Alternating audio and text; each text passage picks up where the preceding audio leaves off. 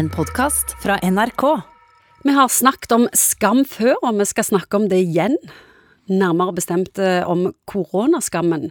For de som blir smitta eller ikke helt har greid å fylle reglene, de får virkelig høre det i kommentarfeltene.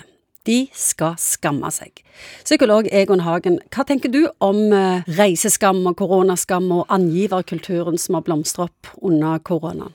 Jeg tror at uh, skammen har liksom innenfor rimelighetens grenser en regulerende fun funksjon, for å snakke litt fint. altså Det holder oss innenfor det normale, det som er gruppers regler. Så skam er ikke sånn udelt negativt, faktisk, men det kan selvfølgelig få overslag, og det kommer vi sikkert tilbake igjen til. Ja, altså Det har vært uh, tilløp til angiverkultur, at folk sender inn bilder til oss journalister av uh, fester og Folk som går på butikken uten lov. Jeg tror det er at hvis vi opplever at noen truer fellesskap, at de ikke vil innordne seg, går sine egne veier, så er det mange som opplever at det blir en rød klut. Du kan godt gjøre og leve farlig hvis det går ut over deg sjøl, men i det øyeblikket at det truer fellesskapet, det truer oss andre, så tror jeg at vi opplever det mye vanskeligere.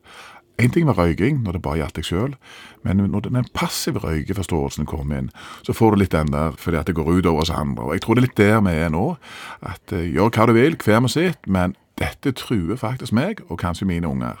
Nå har det jo gått så langt at folk som er koronasmitta, eller tror kanskje de er det, at de både benekter og skjuler symptomene sine, og de vil ikke teste seg. Ja, det er kanskje sånn at det, i og med at det oppleves som skummelt. altså Det var litt sånn som det der hiv-aids-epidemien i sin tid, den starta. Så var jo òg det ganske skambelagt. Både var det en sykdom som hadde et dårlig utfall, men det var òg assosiert med en livsstil som ble oppfatta som problematisk. Og jeg tror det er litt her òg at spesielt hvis folk kan oppleve at dette er ting som du på sett og vis har Hvis du har vært uforsiktig eller tatt sjanser, så blir det ja, Folk blir flaue over det, rett og slett. Har skam endra din oppførsel? under korona nå? Ja, ikke, ikke bruke ordet skam, men det er mer sånn en sånn nå, nå, gjør vi sånn som har blitt fortalt, og vi holder oss til disse anbefalingene som vi får av myndighetene. Og så tror jeg kanskje òg at det er en kondisjonstest på mange måter. altså Gidder vi å holde på med dette lenger, og blir vi trøtte og leie av det? Og svaret er jo selvfølgelig vi må bare ha den lange viljen og, og pike det ikke i oss, altså. For dette ser jo ut som det drar ut. Det er jo fristende i media kanskje å fokusere på de som bryter dette, eller som jeg, reagerer atypisk, men jeg tror vel egentlig sånn i utgangspunktet at de fleste forholder seg ganske rasjonelt til den situasjonen. Og Det syns jeg er viktig at vi sier sånn at Jeg har sagt det før, at denne historien vi skal skrive om korona, den er avhengig av hva ord vi bruker, og hva vi velger å legge vekt på.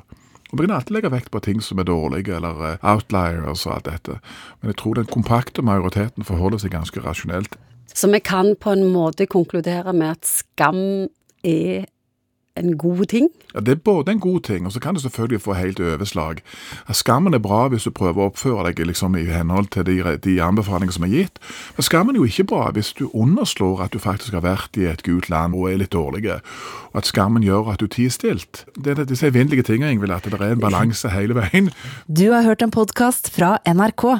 Hør flere podkaster og din NRK-kanal i appen NRK Radio.